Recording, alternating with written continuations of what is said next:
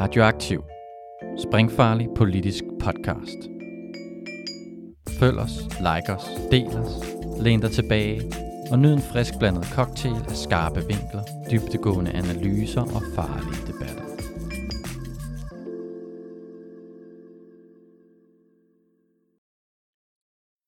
Velkommen til anden del ud af ja, tre dele af den her podcast om kapitalismens økonomiske magt, eller som vi også kunne sige om stum tvang. I den her del vil vi især øh, snakke om det, man kunne kalde de vertikale produktionsforhold, eller simpelthen bare klasseforhold. Det vil sige det, der handler om forholdet mellem dem, der kontrollerer produktionsmidlerne, kapitalisterne, og dem, der er de umiddelbare producenter af værdi, arbejderne. Og så vil vi især snakke om, hvad positionen som proletar indebærer. Hvorfor er det overhovedet, at proletaren til synlædende helt frivilligt underkaster sig kapitalen?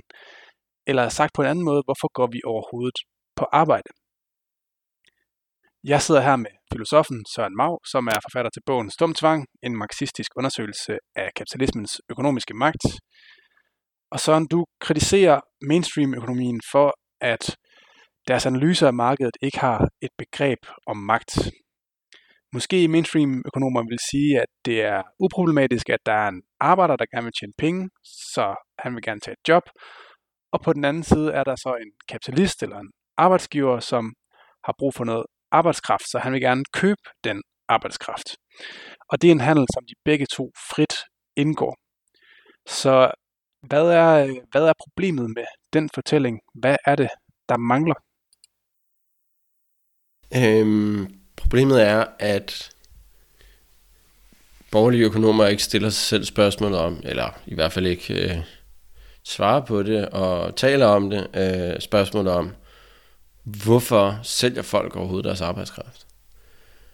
Øh, hvis man undersøger de historiske processer, der har ledt til den situation, hvor en stor del af, af, af menneskeheden og øh, befolkningen i et givet land er tvunget til, eller, eller hvor de faktisk sælger deres arbejdskraft, så vil man opdage, at det kræver, historisk set har krævet enormt store mængder af vold, og at det først og fremmest har krævet, at man fratog mennesker muligheden for at overleve på andre måder. Det er først når, øh, altså historisk set, så, så det, det, det, det er ligesom først, når man fratager mennesker muligheden for at leve uden at sælge deres arbejdskraft, at de begynder at gøre det.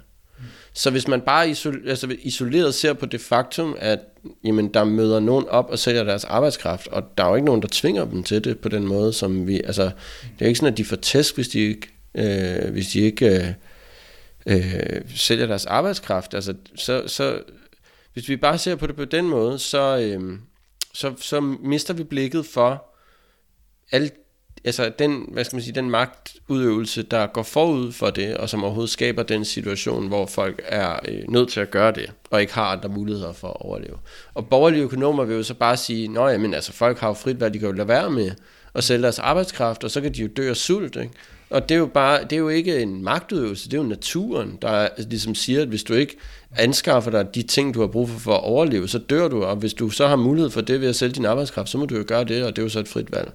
Øhm, men, men altså, sagen er, sagen er bare den, at som sagt, at der ligger en hel masse magtøvelse før det, og det, det er det, som man ikke stiller spørgsmålstegn ved i den borgerlige økonomi. Okay.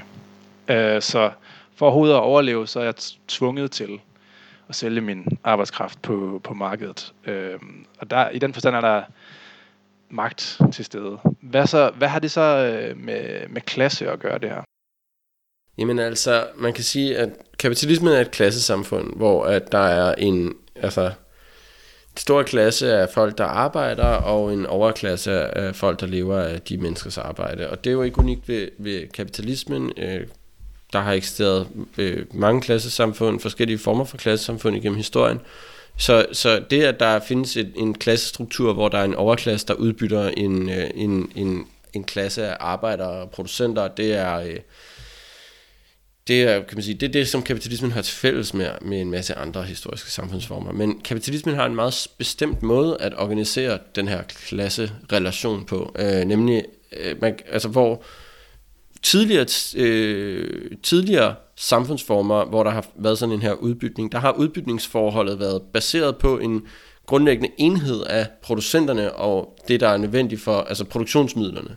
Øh, i, øh, altså for eksempel i antikke øh, samfund baseret på slaveri, der har, der har både produktionsmidlerne og øh, producenterne, altså slaverne, været øh, forenet som ejendom under en slaveejer. Ikke? Og i, øh, under feudalismen, der, der har øh, bønderne som regel selv haft øh, adgang til øh, altså jord og, og produktionsmidler, øh, og så har så været tvunget til igennem nogle personlighed, personlige afhængigheds øh, relationer og, og, øh, og sådan politiske systemer baseret på, på øh, en feudal herres øh, øh, evne til ligesom at bruge rå og brutal voldelig magt, øh, har så været tvunget til at aflevere en del af sit produkt til en godsejer eller arbejde på, på godsejerens jord x antal timer eller dage om ugen.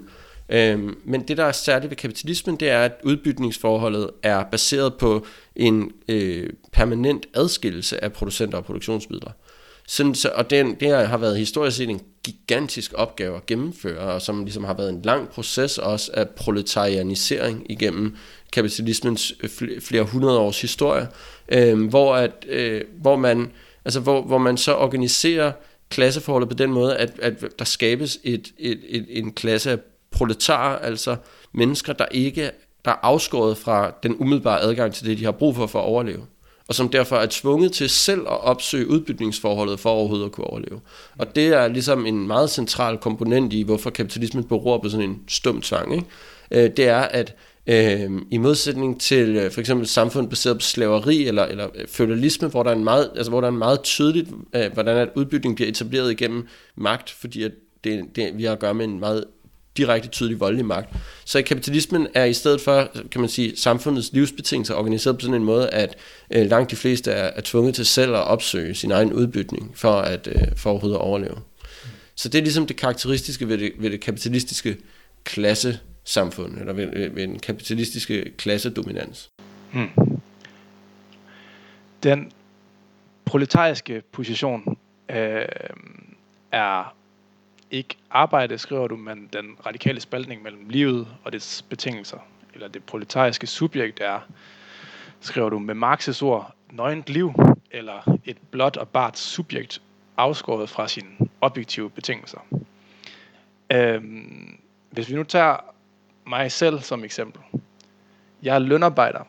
Øh, jeg er gymnasielærer. Jeg ejer en, en lille lejlighed. Jeg har en gæld på 3,5 millioner for den lejlighed. Så med sådan et empirisk klassebegreb, så vil jeg øh, nok kategoriseres som middelklasse eller øvre middelklasse. Men hvordan passer jeg ind i det her øh, marxistiske, kvalitative, strukturelle klassebegreb? Altså kan jeg meningsfuldt sige så være mm. proletar? Ja, vil jeg sige. Det?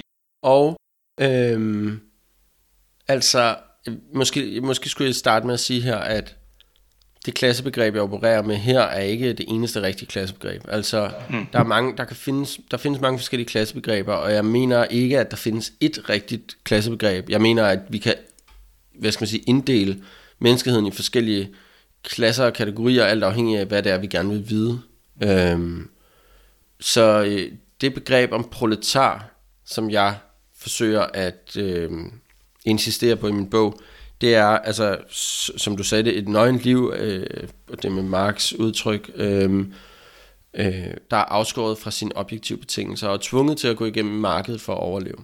Og det er et meget bredt begreb om proletariat, og det, det omfatter både dig og øh, øh, altså, øh, beboere i mega slumbyer i det globale syd. Ikke? Øhm, øhm, så, hvad, så, så er fordelen ved, ved, ved det så, at jeg kan, jeg kan stille mig på samme side i konflikten som slumarbejderen, eller hvad? Ja, der er, altså selvom, at, og det er jo det er sindssygt vigtigt at, at, at, at se de meget store forskelle og beskrive dem der på alle mulige måder, politisk og analytisk væsentligt, og se de meget store forskelle, der er øh, i, i levevilkår blandt forskellige dele af proletariatet, men der er også noget, som jeg synes, der er væsentligt, som jeg, grunden til, at, altså det, der er noget, som jeg mener, der har været underbelyst, som er væsentligt at understrege, og det er, at der er også noget fælles blandt alle os, der er tvunget til at gå igennem markedet for at overleve, og det er, at vi er underlagt den her øh, stumme tvang alle sammen, og har alle sammen, bliver alle sammen begrænset i vores frihed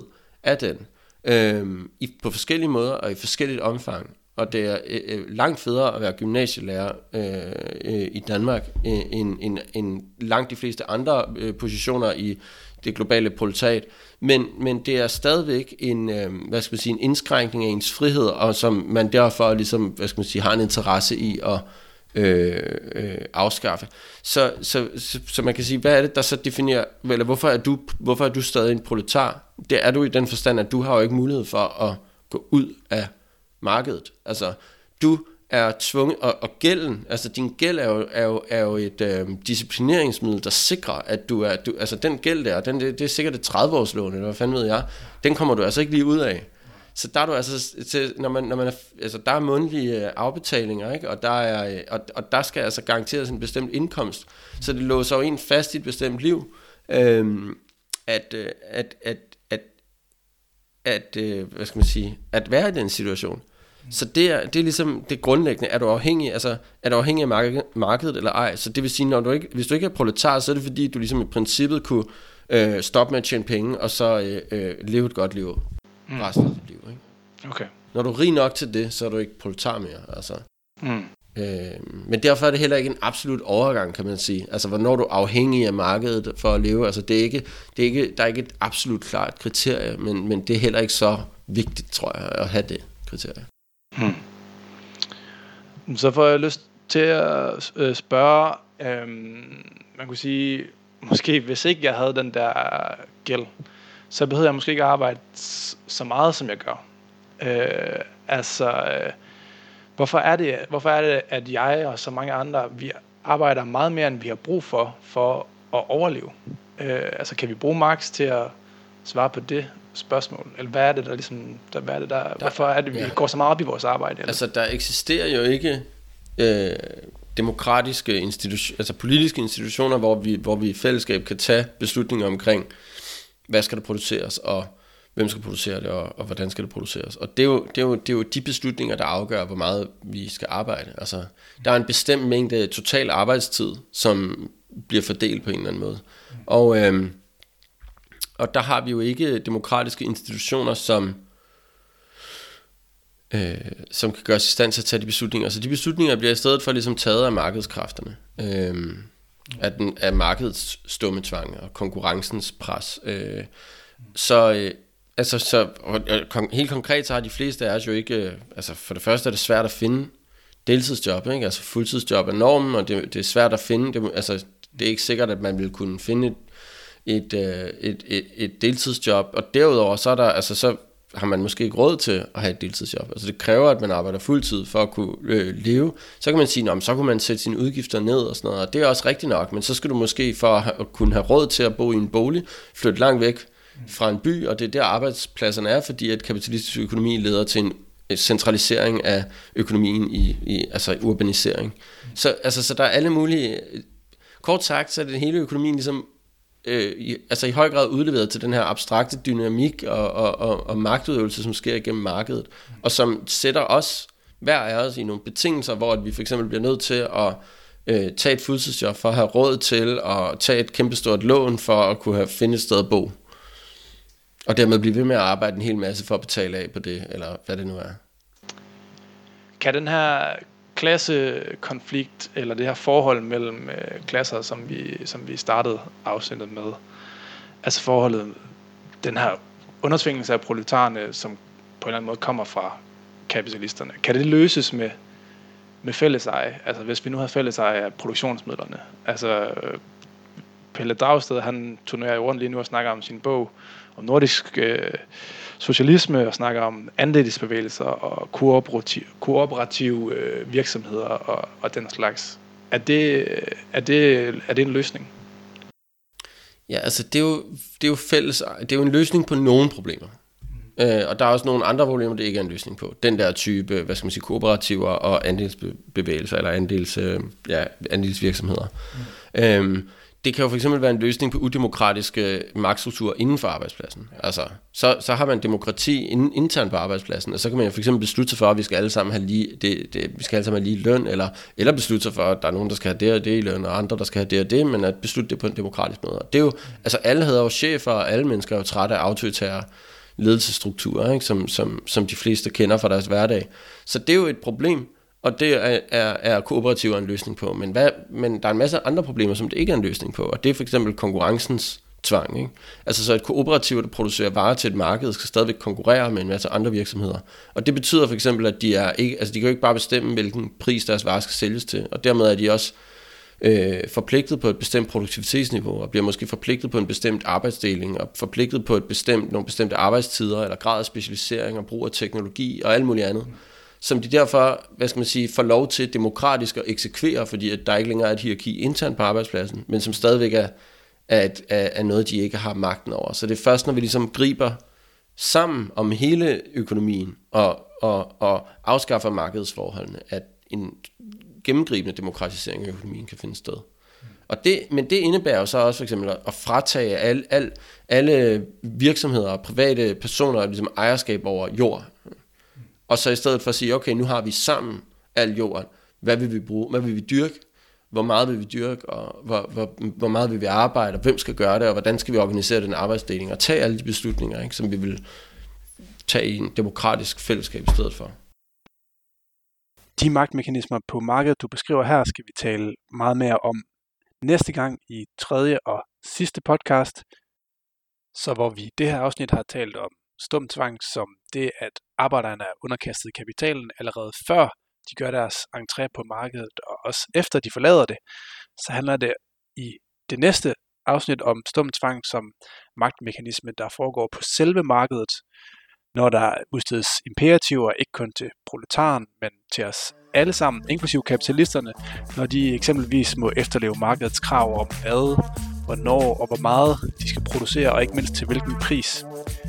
Så lyt med i næste afsnit, når jeg snakker med Søren Mau om det, og om hvordan et kommunistisk alternativ vil se ud. Oh ja. Inden du smutter, husk nu lige at følge Radioaktiv. Vi er på Facebook, Twitter, på SoundCloud eller i din podcast-app. En række af vores podcasts udkommer også som video på YouTube. Du må også gerne dele os med dine venner. Hvis du er ellevild, så kan du gå ind på solidaritet.dk og blive medlem af vores medie.